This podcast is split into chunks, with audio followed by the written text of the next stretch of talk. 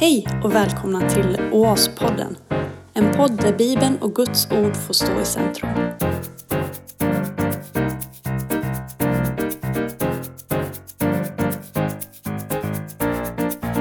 Först vill jag dementera den här fantastiska presentationen om att jag skulle vara en sån fantastisk bedjare.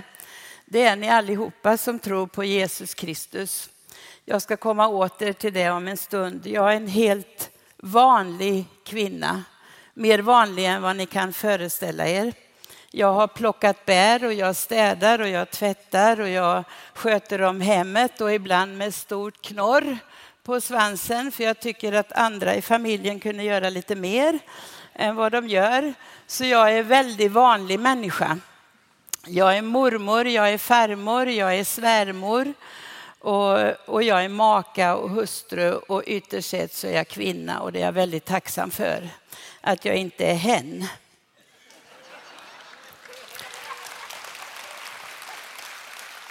Dagens ämne heter ju Tappa nu inte bort er frimodighet. Det är ganska intressant, men det var ett litet ord där som står Tappa nu därför inte bort er frimodighet. Och jag är ingen teolog, det finns massor med sådana här som ni kan gå och rådfråga sen. Och retar du upp dig på mitt sätt att vara så förlåt mig fort så Gud kan höra dina böner. För det står i hans ord att han hör oss inte om vi bär på lite knorr inombords. Så förlåt mig för att jag är skapad som den jag är om det stör dig. Men viktigast är att vi är frimodiga inför Herren. Jag har roat mig med i Sverige att gå omkring på marknader och grejer och lyssna på människor som säljer olika saker. Allt ifrån sån här vätska som man putsar glasögonen med till dammtrasor och dammsugare och alltihopa. Vad våldsamt vad folk är frimodiga hörni. Alltså om ni köper den här dammtrasan så kanske ni aldrig behöver damma mer hemma. Ungefär så låter det. Eh, putsa glasögonen med den här väskan så är du you're fine for the rest of your life. Och så tänker jag så här, när jag kommer till Guds hus, då finns det ett ord som överhuvudtaget inte går att översätta, i alla fall till något språk som jag känner till. Det är ordet lagom. Det är så fruktansvärt svenskt. Men när människor håller på med sina hobbys, med sitt hantverkeri och yrkesskicklighet. Och i år är det ju valår. Och jag tror inte någon av oss har undgått Almedalens olika tal och entusiasm. Det är svenskar som är frimodiga. Men kommer man till kyrkan, då är det så tyst. Och då ska vi akta oss så att vi inte trampar någon på tårna. Och vi ska vara så lagom. För du vet, det är så svårt och det är ju så tungt. Ja, det är sant. Det är tungt, det är tufft. Vi lever i en tid då det inte är några hejarop för kristenheten i vårt land. Och vi ska vara så effektiva och ha så bråttom, ha så korta gudstjänster, få resultat snabbast. Både i industri, i arbetslivet och för övrigt i samhället i våra liv. Skynda, skynda, skynda. Gör det fortare, gör det bättre.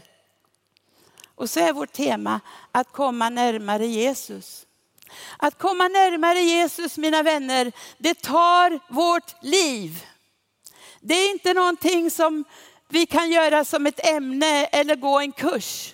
Utan det är någonting som du börjar och det han lovat varje dag att vara med oss in till tidens slut. Där du kan läsa i den 23 salmen, Herren är min herde, mig skall inte fattas.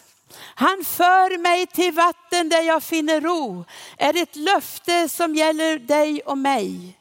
Det är inte bara någonting som vi ska sjunga i stillsamma stunder och när vi är riktigt nere Nej, han är din herde. Och du kanske tillhör gänget som säger Herren är min herde, jag fattar ingenting. Och då är du också med ibland den skaran som man är herde för. Du behöver inte fatta så mycket, men du ska fatta att han har omsorg och kärlek till dig. Vi är så duktiga i Sverige på lagar och paragrafer.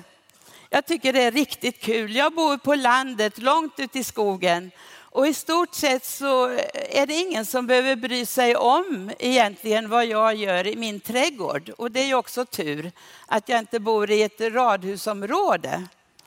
För då vore det nog mer problematiskt. För vet ni, jag har satt upp en skylt i min trädgård. På den står det att den här trädgården ska bli perfekt, men inte än. Och jag hade så mycket att göra innan årsmötet så jag hann inte dra upp ogräs som var nästan lika högt som blommorna. Så jag sa till min man att ja, du, jag hinner inte göra det här innan jag åker nu. Varpå han svarade att ja, det är nog kvar när du kommer hem.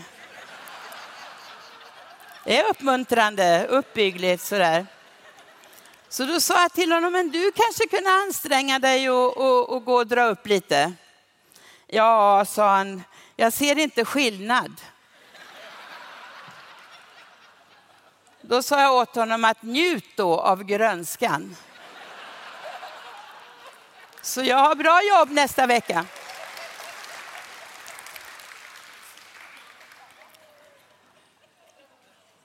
Ni ser att jag lever ett vanligt liv. Jag mötte en man för några veckor sedan hemma i vår lilla stad där jag bor utanför och så sa han så här att eh, hur är det Miriam? Ja, så jag, det är fullt upp. Jag har barn och barnbarn och mågar och alla har semester när de kommer till mig. Det är jätteroligt. Det är kanonkul med, med dessa små liv. Men ni vet, jag är ju inte 25 år längre, alltså jag är 70 bast plus. Så det, det är ju så här alltså i livet. Men alla vill ju komma hem på sommaren och jag vill att alla ska komma.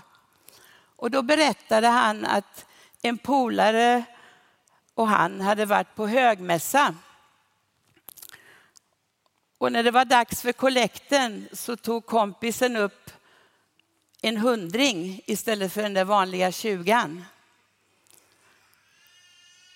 Och så sa han så här, men ska du lägga hundra kronor i kollekten? Ja, sa han. Jag, jag är så glad, sa han. Jag är så jätteglad. Vad är du glad för att du vill lägga så mycket pengar? Jo, barnbarnen har kommit hem, sa han. Det är så roligt och vi får vara ute på stranden och jag får känna mig ung och jag bygger sandslott och sandkojor och det är så härligt väder. Jag är så glad, sa han. Sen gick det några veckor, ni vet, det blir ju färre och färre högmässor och gudstjänster och särskilt sommartid. Så var det dags igen. Och då var det dags för kollekten en gång till. Då kom det upp en 500-sedel. Va? Har du varit på oasmöte eller någonstans där du har blivit karismatisk? Nej, det har jag inte. Nu har det väl gått för långt. Ska du lägga 500 spänn i kollekten? Ja, sa han. Jag, jag är så tacksam idag, sa han. Vad är du tacksam för? De åkte hem i morse, sa han.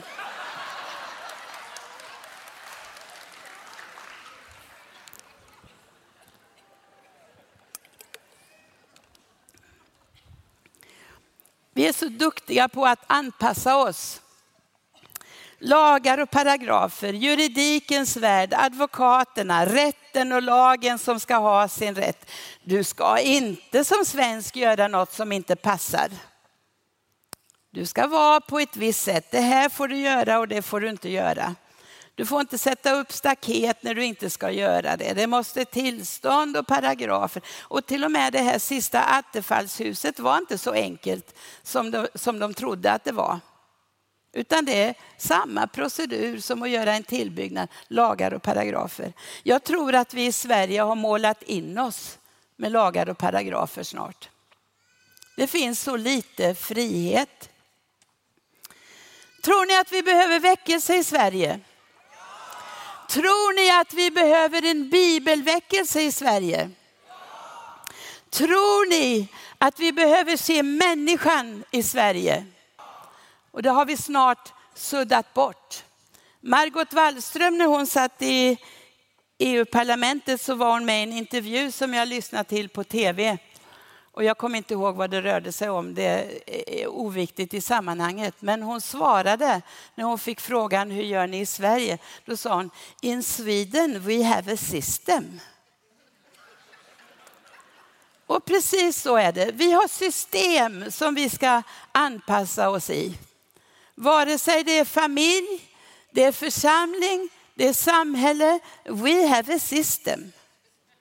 Och vi har frånsagt oss att hjälpa den behövande, för det gör socialtjänsten. Vi har frånsagt oss att skapa arbete, för det gör Arbetsförmedlingen. Vi har frånsagt oss att ge ett hem åt den utslagne som inte har något hem, som inte vet vad det är att få en kram. För vi är rädda för felaktiga livsmönster och vi är rädda för människor. Vi ska bevara oss själva. Vi har byggt upp lagar och system som ska skydda oss. Och ju mer vi går in i det här, vänner, och nu är inte det här någon politiskt tal, jag är så ointresserad av det som aldrig det. Men jag älskar den här boken.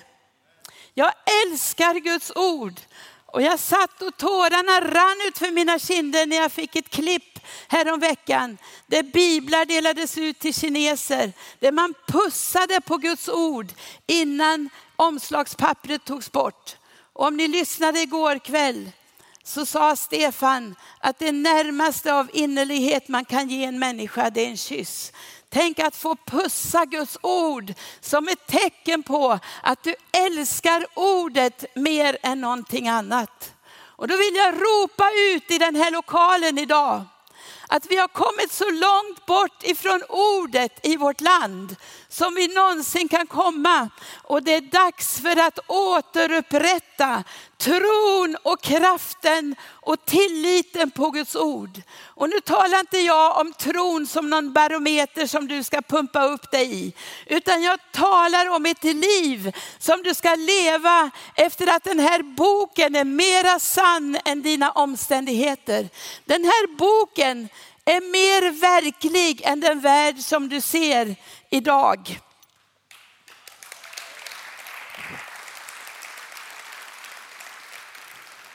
Jag vill läsa för dig varför du inte ska ge upp din frimodighet. I Kolosserbrevet så står det så här. Han, Jesus, som vi har temat om att vi ska komma närmare. Han har frälst oss från mörkrets välde och fört oss in i sin älskade sons rike. I honom är vi friköpta och fått förlåtelse för våra synder.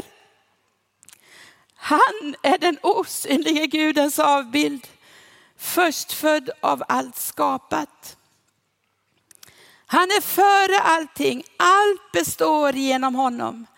Han är huvudet på sin kropp, församlingen.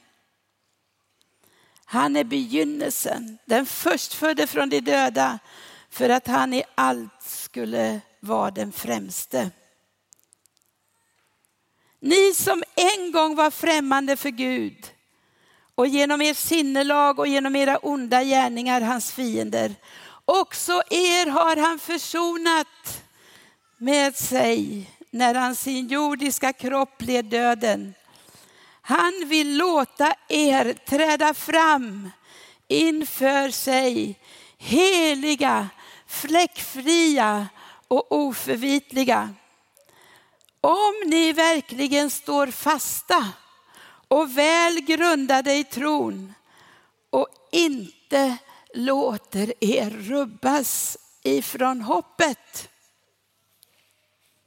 Vilka ord! Vid ett tillfälle i Afrika så var min man och jag ute och hade en möte i en by där evangelium inte hade förkunnats förut. Och så kommer byhövdingen efteråt och säger så här till oss. Tror ni på det där som ni har predikat? Visst gör vi det. Ja, sa han, då kan ni gå till en hyddan som är längst ner om ni tar till vänster härifrån samlingsplatsen. Där sitter en lam kvinna ifrån midjan ner.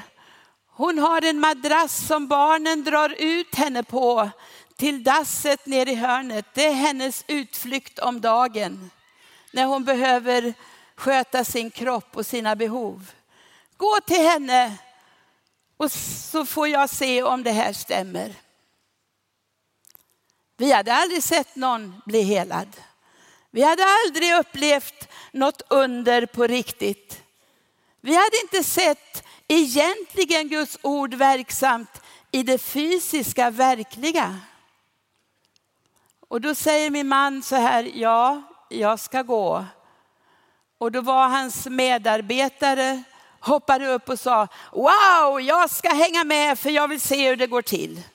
Alltså, då känner man sig väldigt fylld av Gud och ska utföra någonting kan jag tala om. Inte ett dugg. Man är så beroende av att det är Herren. Om det är hans tid så gör han ett under eller inte. Min man går dit, kryper in i hyddan, läser om den, hur Jesus botade den lame mannen, går ut därifrån och vi avslutade, ingenting hände. Och vi åkte hem. Det fanns en lastbil som körde genom byn en gång i veckan. Påföljande vecka när vi var hemma i den lilla stad där vi bodde så kommer det ett brev. Det var ifrån byhövdingen. Han säger att kvinnan som ni hälsade på, hon går omkring i byn och säger att det var inte den vite mannen som helade mig. Det var ingen häxkonst som helade mig, utan det var den mannen som han läste om för mig. Jesus Kristus som förmår att öppna de blindas ögon och hela de lama. Hon gick omkring och var ett vittnesbörd i byn. Prisat var det Herrens namn.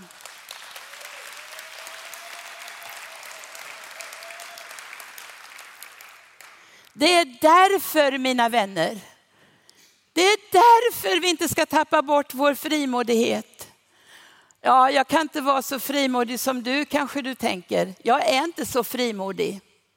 Jag är ganska blyg i mig själv. Det är ingen som tror mig för de flesta ser mig framifrån. Och då är jag frimodig. När jag har någonting jag vill förmedla. Men i mig själv är jag ganska blyg. Din frimodighet kanske börjar med att du i offentliga sammanhang knäpper dina händer och ber Gud välsigna maten. Jag har ett litet barnbarn som helt har förtrollat mig. Han är två och ett halvt år. Och hans mamma, när han började upptäcka sina fingrar och sina händer, så lärde de honom att knäppa händerna och de skulle tacka Gud för maten. Så det gör han. Nu är han två och ett halvt år och har lärt sig en hel del ord och är som ett barn, precis som Jesus säger att vi ska vara. Ni ska komma till mig som barn. Har ni läst det någon gång? Eller står det att ni ska komma som intellektuella, väl, välmeriterade människor? Nej, om ni kommer som barn. Och hur gör ett barn? Ett barn är allting så naturligt för. Så vill Jesus att vi ska förhålla oss. Och vet ni vad lilla Arvid gör nu? Jo, så fort att maten står på bordet och han bjuds dit, vare sig vi är på restaurang eller hemma, så knäpper han händerna och så säger han, tack gode Gud att vi har mat att äta idag och så långt går det bra. Men sen så gör han så här, amen, säger han. För då vet han, nu får vi käka. Det är en frimodighet på ett barns nivå. Kanske du ska börja där med att vara frimodig och tacka Gud för att du har mat att äta idag. När man följer Herren och ska vara frimodig, eller vill vara frimodig kanske jag ska säga, så får man vara med om ett, ett livsäventyr det är ett livsäventyr att följa Jesus. För du får ofta ge dig in i sånt som du aldrig har tänkt dig. Och det är så hela Bibeln.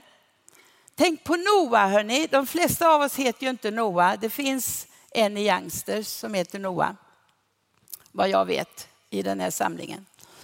Men Noa, han byggde en båt. Häftigt va? Det var ju knäppt på den tiden. En stor båt och han var frimodig och han hade bråttom och han var överlåten och han skulle göra ett bra jobb. Varför det? Jo, båten skulle rädda liv. Det är viktigt att vi gör rätt saker mina vänner och att vi gör saker rätt. Det fanns en tid i Sverige då evangelium var förkunnat, då varje barn i skolan visste om att Gud finns, att Jesus lever och att den heliga ande är verksam. Men så är det inte idag. Idag kan du inte stå i ett gathörn och sjunga Jesus är svaret och ingen vet vad frågan gäller. Alla går förbi dig för de vet inte vad han är svaret på. Vad behövs då? Jo, ditt och mitt liv. Många människor har ingen bibel att läsa mer än ditt liv. Jenny talade här om kvällen om att vara salt. Det kanske är just det du ska vara. Salt och ljus och brev. Det är inga verbala saker, men det händer mycket. När saltet strös försvinner förruttnelsen. När ljuset tänds skingras mörkret. När brevet skrivs och det läses så uppenbarar det och visar olika saker. Och Paulus säger att ni är Kristus brev. Ni är världens salt. Ni är världens ljus. Och Bibeln talar om att Jesus Kristus är vägen, sanningen och livet. Och det spelar ingen roll vad du har för annan uppfattning, det är det här som gäller. Det är inte senaste tidens upptäckter och intellektuella sammankomster, utan Guds ord är för evigt stadfäst i himlen och kan inte ändras. Och det finns ingen annan väg än Jesus Kristus, honom som frälsare, som har återlöst och vunnit oss tillbaka till Gud genom sitt eget blod. Det tror jag på. Det vill jag leva ut. Det vill jag ropa ut och det vill jag uppmuntra varje kristen till att leva sitt liv. Tro inte på det som sker i tiden. Ja, det ändrar sig ju. Man måste vara tolerant. Ja, visst ska vi vara det. Men det ändrar inte på att den enda vägen är Jesus Kristus. Var frimodig min vän i att söka höra Guds röst. Det finns så mycket som vi kan höra idag. Det var Jenny också inne på häromkvällen. Höra på allt möjligt. Ta ställning till allt möjligt. Men vet du vilken gåva det är Gud har gett dig? Att varje dag i ett land som Sverige där vi har den friheten få öppna din bibel, stanna upp och se vad vill Gud? Din far i himlen, Jesus din frälsare och befriare och räddare och den helige ande som din hjälpare. Vad vill de säga idag? En väldigt levande berättelse i mitt liv var en kvinna jag mötte. Hon var engelsktalande sydafrikan. Jag mötte henne i ett grannland till Sydafrika. Hon hade väldigt svårt att förstå att Gud verkligen kunde, att vi kunde kommunicera med Gud genom bön. Hon gick i kyrkan, hon gick hem och sen var det bra. Så träffades vi.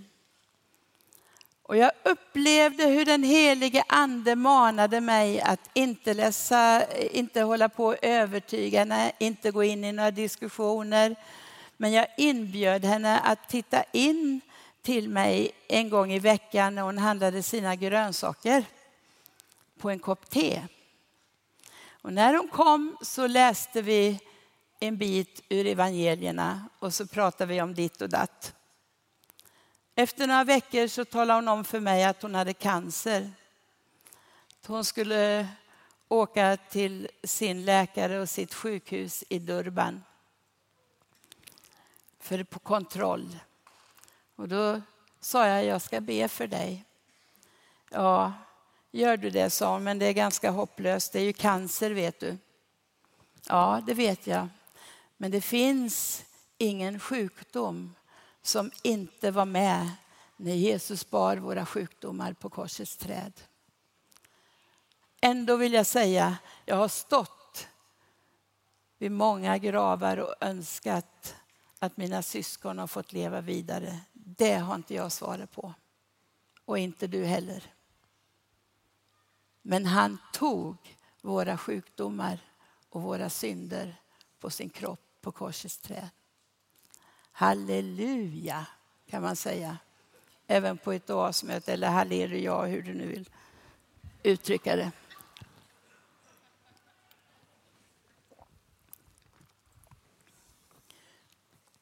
Det väller in saker som vill få oss bort ifrån Guds ord. Bort ifrån vad ordet säger. Det är en daglig kamp om att leva ett liv som följer ordet. Vet ni, jag begriper så lite av Bibeln, men jag älskar hela Bibeln. Och jag har fullt sjå med det jag begriper. Fullt sjå med att förlåta alla, älska min nästa som mig själv, var god mot alla, förvänta mig att Gud ska komma så som han har lovat i sitt ord. Det, det är en kamp och jag tror inte jag är ensam om det. Men det är ändå så att det är ordet som gäller till slut. Så är det så. Den här kvinnan i alla fall så åkte hon iväg. Och till saken hör att jag skulle åka till Sverige. Jag hade inga pengar. Men Herren hade talat om för mig att jag skulle spara pengar under en period i en, i en plastpåse. Så när jag var och handlade mat så tog jag tiondet av mina matpengar och så la jag dem i en plastpåse i en byrålåda. Och så kom frestelsen, vet ni, att man ska räkna och kolla när det närmar sig dagen man ska betala. Nej, tänkte jag, det ska jag inte göra. Och i Fesebrevets ord, ge inte djävulen något tillfälle, var väldigt levande för mig just då. Han skulle inte få chansen att få mig att backa på det här. Jag visste att jag skulle till Sverige och jag hade fått ett uppdrag. Men jag hade inga pengar att åka till Sverige. Och efter ett par månader så sa jag det till min man. Och då tittade han på mig och så sa han så här att ja du, sa han, är det Gud så vet jag ju att du kommer iväg.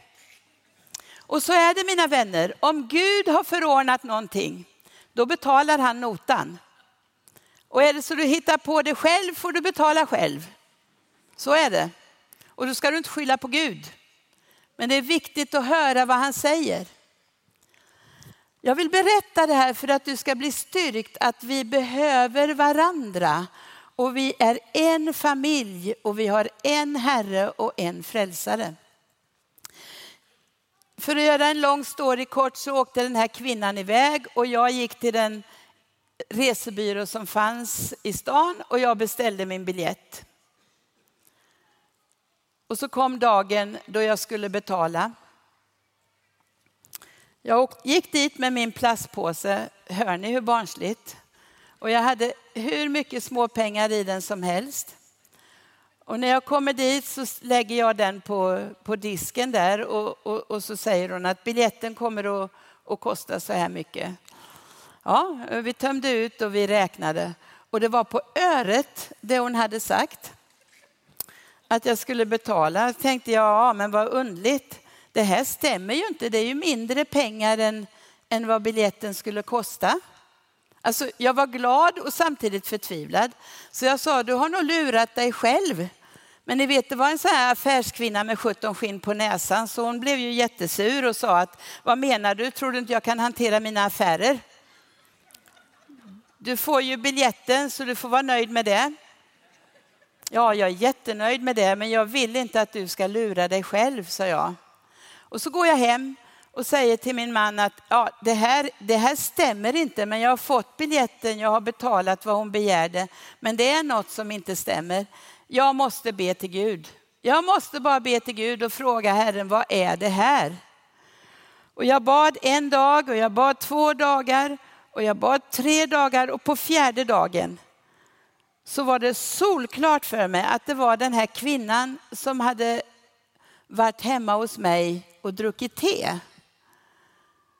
Som hade varit på resebyrån och betalat resten. Men det var, fanns inga naturliga förutsättningar för något sånt. För hon var så snål så hon kunde klämma kronan och klaven mellan fingrarna innan hon skildes ifrån det. Alltså hon var verkligen känd i hela samhället för att, ja, om vi ska vara snälla, vara väldigt ekonomisk. Så kan man säga. Så jag tänkte, nej men det, det kan inte vara sant. För vi hade inte pratat pengar överhuvudtaget och hon var ju borta på sin läkarundersökning. Ja, jag går tillbaka och så säger jag så här, du fattar inte, du har, du har, du har förstört det för dig, du förlorar pengar. Nej, det gör jag inte. Ja, men så jag, Gud har talat om för mig hur det ligger till. Gud, sa hon, pratar han med dig? Ja, och där fick jag ett underbart tillfälle att vara ljus och att sprida lite salt till en människa som aldrig hade mött Jesus Kristus. Och Jesus fick äran för den han var och är. Jag kommer hem och är jätteglad. Jag fattar inte riktigt det här undret som hade skett framför mina ögon. Men så tänkte jag, jag måste ju tacka den här människan också. Hon kommer hem ifrån sin läkarundersökning, ringer upp mig och då säger jag till henne så här. Och det var ett jättetrosteg för mig att våga säga det. Då sa jag, tack ska du ha för du lydde Herren. Och Herren ska välsigna dig för det du har gett ut för att jag ska komma till Sverige. Hur vet du det? Svara mig och då var ju saken uppenbar att det var hon. Men så sa hon, jag har något att berätta för dig också, sa hon. Herren har helat mig. När jag kom ner till specialisten och de gjorde alla undersökningar så säger doktorn så här och professorn, du har förstört min statistik. För du är fullkomligt fri ifrån cancer. Vilken Gud vi har. Var frimodig i din bön och i din förbön. Vi behöver inte förstå bönelivets mysterium för att be. Men ju mer du ber och ju mer du får se Guds hand i verksamhet, ju mer kommer din frimodighet att växa. Och ju mer får du se hur gärna Fadern vill ge allt gott till oss. Berit talade om andens gåvor igår. Och då satt jag och kom ihåg hur det var när jag längtade efter uppfyllelsen av den helige ande. Eller påfyllnad eller ja, hur nu din teologi vill att du ska uttrycka det. Det vet inte jag, men jag behövde mer av Gud i alla fall. Och behövde andens gåvor. Och vet ni vad jag gjorde? Det har ju ingen av er gjort här, det tror jag säkert inte. Men jag sa, Gud, jag vill jättegärna ha ande, andens gåvor så jag kan fungera och leva för dig. Men bara inte tungotalet. Det vill jag inte ha. Jag vill inte bära mig åt framför folk. Jag vill hellre ha den här, den här vishetens gåva som trädde fram någon gång ibland. Det har jag inte fått än. Alltså, och jag sa till Gud, jag, jag vill inte tala i tungor så pass att, att jag låter, för jag hade sett alltså, saker som jag kände, men det där eh, vet jag inte, är det Guds kraft? Alltså när folk lät som en tryckkokare som var på spisen för länge, vet ni. Psh! Alltså, nej. Är det, eh, alltså, men jag vill ju ha, jag är ju jag är ju törstig efter Gud. Och det tog en stund innan jag kunde överlämna det till Herren. Att du, Gud får ge mig vilken gåva du vill. Bara du vill ge mig en gåva och använda mig. Och det gjorde han för att det står att han längtar efter att ge oss det vårt hjärta begär. Och nu vet ni, så sjunger jag arier på morgnarna. Jag har underbar tid för att tungotalet eller vårt bönespråk, vårt böneliv, det är ett, en, en frimodighet. Alltså är du rädd att någon ska höra dig, gör det när du är i duschen. För att Guds ande som bor i dig talar genom din ande förbi ditt förstånd till Fadern. Och Faderns ande och din ande sjunger duett och sjunger Abba Fader och ger Herren lov och pris och ära. Åh, kerabasha, tarineido. Kan du sjunga i duschen? Underbart. Det är Guds ande som, som liksom uppmuntrar dig, ger dig tankar så du får tanka ner. Det är någonting som han vill ge till oss. Vill ni ta emot gåvan som han vill ge så är det första steget det är att du öppnar mun. Att du gör något.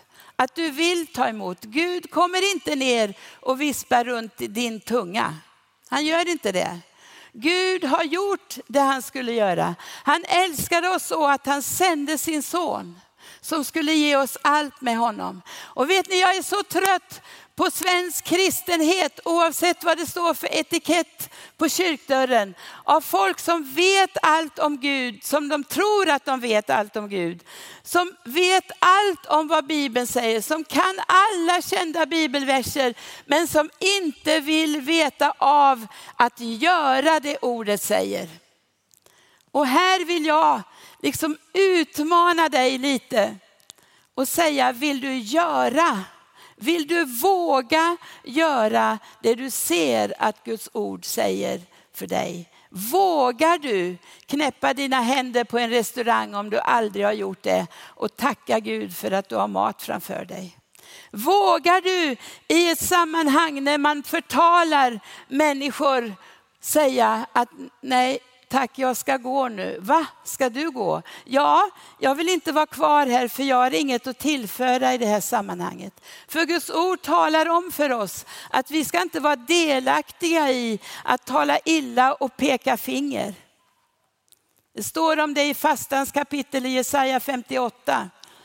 Häng inte era huvuden som sävstrån när ni fastar och peka inte finger. Vad trött jag är på efter möten och få höra, ja vad tyckte du? Vad tyckte du? Ja, de sjöng bra och de var för höga och de var för låga och, och de var för utmanande och den höll på för länge och, och den kom aldrig igång. Vad trötta vi vart att sitta på ändan på en stol så länge. Men vi orkar inte resa på oss heller när det var lovsång.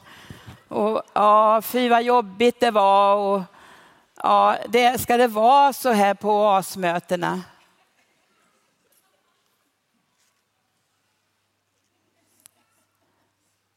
Ja, låt oss tala till oss själva. Hur beter vi oss? Längtar människor vi möter att få följa med dig till gemenskap med din Herre och Mästare? En del är så fruktansvärt rädda att andens gåvor ska komma i funktion i en gudstjänst om de råkar ta med sig någon som inte är troende. Åh, nej, vi ska ha sökarvänliga gudstjänster där vi kan få liksom initiera folk i lugn och ro. Det står i Guds ord att du kan tala om för folk att när du tror på Gud så tror vi att Gud talar genom sin ande. Och det här är sådana här saker som händer. Och det här som sker nu är i tungotal. Och kanske vi får uttydning. Kanske har den här människan som talar i tungor varit lite för ivrig och talat ut i tungotal utan att det blir uttydning. Vad är det för fel i det? Det fattar ju varenda människa. Nej, men vi sitter och är så rädda och försiktiga så vi ska inte säga någonting. Nej då, vi ska vara så lagom. Och så hindrar vi Gud att verka.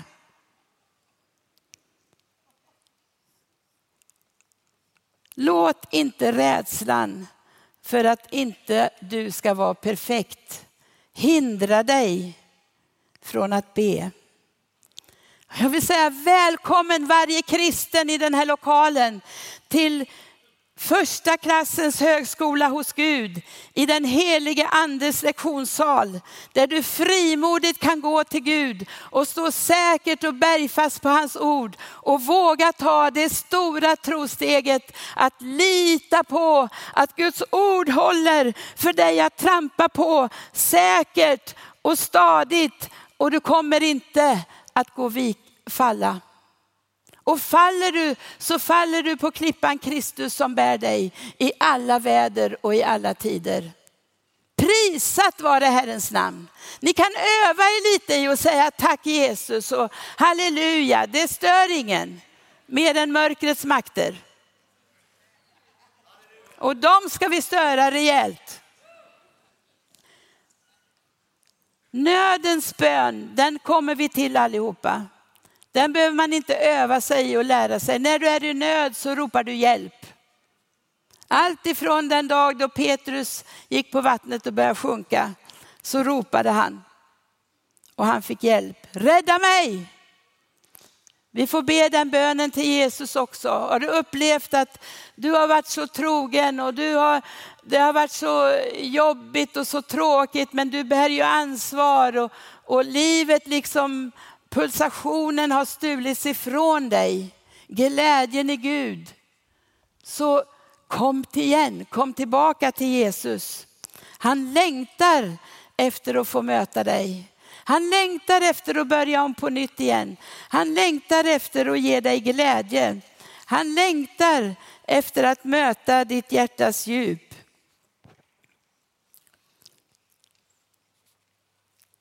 Be från ditt djup, ifrån hjärtat, för Gud är obegränsad i sina möjligheter. Var frimodig mina vänner. Var inte rädd. Går ni på fika på stan, säg på kaféet där ni sitter och har varsin kaffelatte. Kanske ni pratar om livet.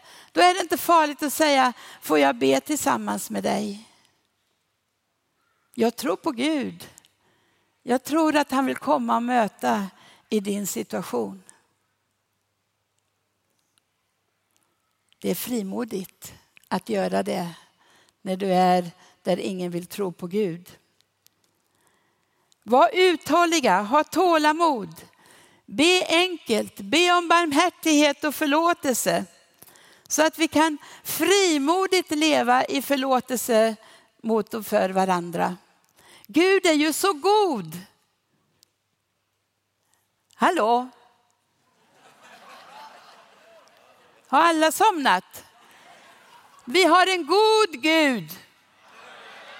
Godhet och nåd ska aldrig lämna dig. Du kan väl inte hålla det för dig själv? Det måste ju vår omgivning få reda på. Det måste ju människor få veta. Och du måste få uppleva mer av Guds kraft. Jesus sa så här till sina lärjungar, när den helige ande kommer över er, då ska ni få kraft att bli mina vittnen. Först i Kungälv, sen i Bohuslän, sen i Sverige och sen ut i hela världen, in till jordens ända. Du behöver alltså inte vänta tills du kommer hem, du som inte bor i Kungälv. När den heliga ande kommer över dig ska du få vara mitt vittne. Du ska inte bli någon Billy Graham, det är inte det jag säger. Utan du ska få vara mitt vittne, mitt ljus i mörker. Min representant som gör skillnad för människor. Nu ska vi göra en Berit. Inte en Toblerone utan en Berit.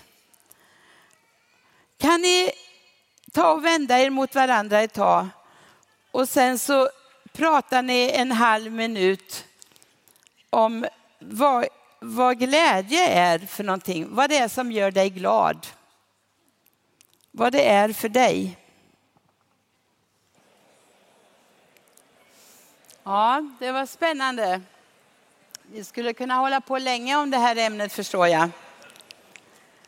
Det finns en FN-undersökning som eh, talar om tre huvudsaker som de flesta människor upplever glädjefyllt.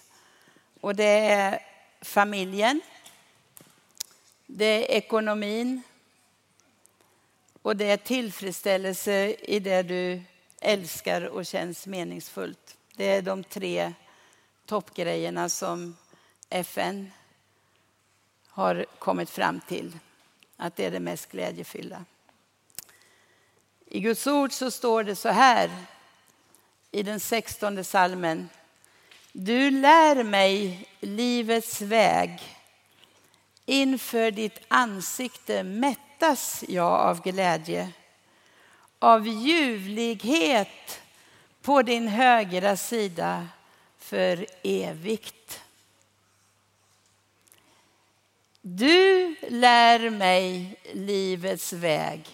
Good news people! Vi behöver inte ha tråkigt tills vi kommer till himlen. Vi får ha ett spännande liv tillsammans med Jesus. För han lär oss livets väg. I en annan välkänd psaltarpsalm så står det, jag ska lära dig och undervisa dig den väg du ska vandra. Jag ska ge dig råd och låta mitt öga vaka över dig. Wow! Och så står det att Herrens ögon överfar hela jorden så att han med sin ande ska bistå dem som med sina hjärtan hänger sig åt honom. Woo, nu börjar det bli bubbelibubb in i min ande. Tänk att det spelar ingen roll var jag finns. Så är Herrens öga vakande över mig. Jag behöver inte frukta. Jag behöver inte vara rädd. Och det behöver inte du heller. Oavsett dina omständigheter i livet så behöver du aldrig frukta. För det är samme Gud som ledde Israels folk genom öknen, som leder oss genom västerlandets öken av Guds fientlighet och otro. Samme Gud ska visa sig än en gång.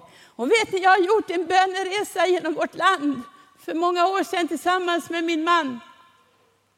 Det har inte stått några artiklar i tidningen om det, för det var inte nödvändigt. Det var ett uppdrag ifrån Gud. Och vi reste genom varje kommun och tackade Gud för alla missionshus, alla kyrkor och alla kapell. Vi stannade inte någonstans. Vi hade inga möten som skulle finansiera vår färd. Utan vi åkte på ett uppdrag av himmelens Gud.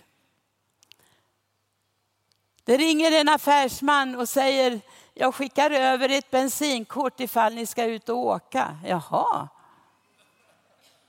Okej, okay. och först vart jag jätteglad. Men så säger Herrens ande till mig, nej, du får inte utnyttja det där bensinkortet hela vägen. Vadå Gud, du försörjde ju. Nej, den mannen behöver få uppleva helande, för han har utnyttjats av mitt folk för att ge pengar så mycket mer än hans förmåga. Hans hjärta är så stort, han är så barmhärtig. Men Gud behöver få röra vid honom, att han får glädje i sitt givande. Vet du vad? Ge inga pengar i kollekten om du inte är glad för att få ge. Gud klarar sig jättebra utan dina slantar. Men om du är glad över att få vara med och offra till oss, om du är glad över, och det gäller er också i ledarskapet, om ni är glada över att vi får tjäna den levande guden, då ska ni ge av glädje. Åh vad jag längtar till kollektinsamlingarna i Afrika ibland. Där man liksom har jitterbuggen fram vet du. Och har ingen pengar så delar man med sig till någon annan. Jag hoppas att biskopen som kommer hit i helgen drar igång er lite grann. Det finns glädje i givandet. Tänk att jag får vara med i världsmissionen. Tänk att jag får vara med att Guds ord ska förkunnas i Svenska kyrkan i Sverige. Det är annat än det att idag går kollekten till internationella arbetet. Vad tråkigt. Vem vill ge några pengar då? Men ser vi de förlorade, ser vi de som inte har mött Jesus och har mött dem själv, då kan vi vara frimodiga i vårt givande. Vi kan vara glada, för det kommer inte att fattas dig något. Jag lovar. Det kommer aldrig att fattas dig något. Vi har otaliga exempel i Guds ord på det. Du kommer inte att lida brist för det du ger till Herren. Min man, jag skulle försöka vara kulturell ett tag för några år sedan. Och min man och jag åkte till eh, Krakow för vi, Chopin hade 200 års jubileum, eller det var 200 års jubileum och vi skulle lyssna på en konsert eller vad det var. Och, och, och jag var så glad för det här. Och, ja, men då kom ju det här askmolnet, ni vet. Det var samma helg. Och så eh, dog ju 90 stycken ifrån polska regeringen i en flygkrasch. Kommer ni ihåg det? Det var väldigt tragiskt på vartannat. Och där satt vi i Krakow. Och så var det stängt allting. Alla konserter annullerades. Det blev landsorg i tre dagar. Men det var för mig en väldigt eh, upplysande helg. Jag var ute och gick runt Krakow och bad för polska folket. Och så träffade jag lite olika folk på gatorna så frågade jag dem hur de upplevde det. Och det var inte bara till det yttre, till synes välklädda, välbärgade människor, utan det var även de som inte såg ut att ha så mycket, som satt och bad om hjälp på gatan eller som gick och släpade och arbetade. Och jag ställde samma fråga till alla. Jag frågade, hur ska det här gå? Hur upplever ni det? Varpå jag fick samma svar. Vi har varit igenom så mycket svårigheter så Gud ska nog hjälpa oss igenom det här också. Det finns hopp för vårt land. Och vet ni, när jag kom till Sverige så började jag be utifrån det finns hopp för vårt land. Jag tror, mina vänner, att Sveriges kyrkor ska fyllas igen. Jag tror att det ska bli gudstjänster varje söndag och däremellan också i de kristna hemmen. Jag tror att människor som är hungriga och törstiga efter evangelium ska få det. Men det krävs att du och jag reser på oss ifrån vår bekvämlighetssituation. Det kräver att vi blir lite obekväma och vågar förtrösta på Herren och hans ord. Och vågar säga, jag är lika rädd som du, men jag tror på ordet mer än på omständigheterna. Det var inte så farligt att säga, eller hur? Jag tror på det här. Och när min man och jag stod ovanför Treriksröset och vi hade Finland och Norge och Sverige framför oss då hade vi ett himmelens besök över Norden. Och jag tror, trots omständigheterna, att Gud än en gång ska komma över vårt land. Och han behöver använda varenda man, varenda kvinna, varenda präst, varenda diakon, varenda biskop, varenda en som bekänner honom som Herre i sina liv och är villig att sätta ordet först kommer han att använda till människors förvandling och frälsning. Halleluja. Jag är ensam om detta kanske, det tror jag inte. Nu är ni så lagom igen, men nu ska jag snart sluta. Gläd dig, fira små saker. Fira tillsammans med familjen. Var inte rädd för att lyfta upp Jesus namnet. Var inte rädd för att leva livet idag. Gårdagen kan du inte göra mycket åt. Så sluta gnäll över hur du upplevde gårdagen. Ta emot vad Herren har för dig idag istället. Och den största segern någonsin, det är att Jesus Kristus har övervunnit syndens och dödens och gravens makt. Det finns ingen makt över oss. Döden har ingen udd. Utan vi är evighetsvarelser. När jag inte finns på jorden längre, tro inte att jag är död. För det är jag inte, för jag har bara bytt fil in i evigheten. Var frimodig i vad du har och inte i vad du inte har. Tacka Gud. Vet ni att tacksamhet smittar? Vet ni om det? Om man möter tacksamma människor så smittar det precis lika bra som otacksamma människor. Men det är mycket roligare. En dam som var över 90 år som hette Valborg var mig väldigt kär. Hon var väldigt tacksam. Hon hade det svårt, hon led mycket, var sjuk på många sätt. Men hon var alltid så tacksam. Och det var alltid uppbyggligt när man hade hälsat på Valborg. Är vi villiga att sprida den tacksamhet vi har fått till den mått vi har fått för att Jesus namnet ska bli förhärligat? Låt oss inte vara gnällspikar vänner. Låt oss tacka Gud i glädje. Min bön är att vi ska få se frimodigheten växa i hela kristenheten. I hela Kristi kropp i Sverige. Där vi inte sätter upp staket för varandra utan där vi öppnar till frihet i Jesus Kristus i den helige Andes kraft. Nåd från vår Herre Jesus Kristus, kärlek från Gud och gemenskap i den helige Ande åt er alla. Amen. Tack för att ni lyssnade till detta avsnittet på OAS-podden.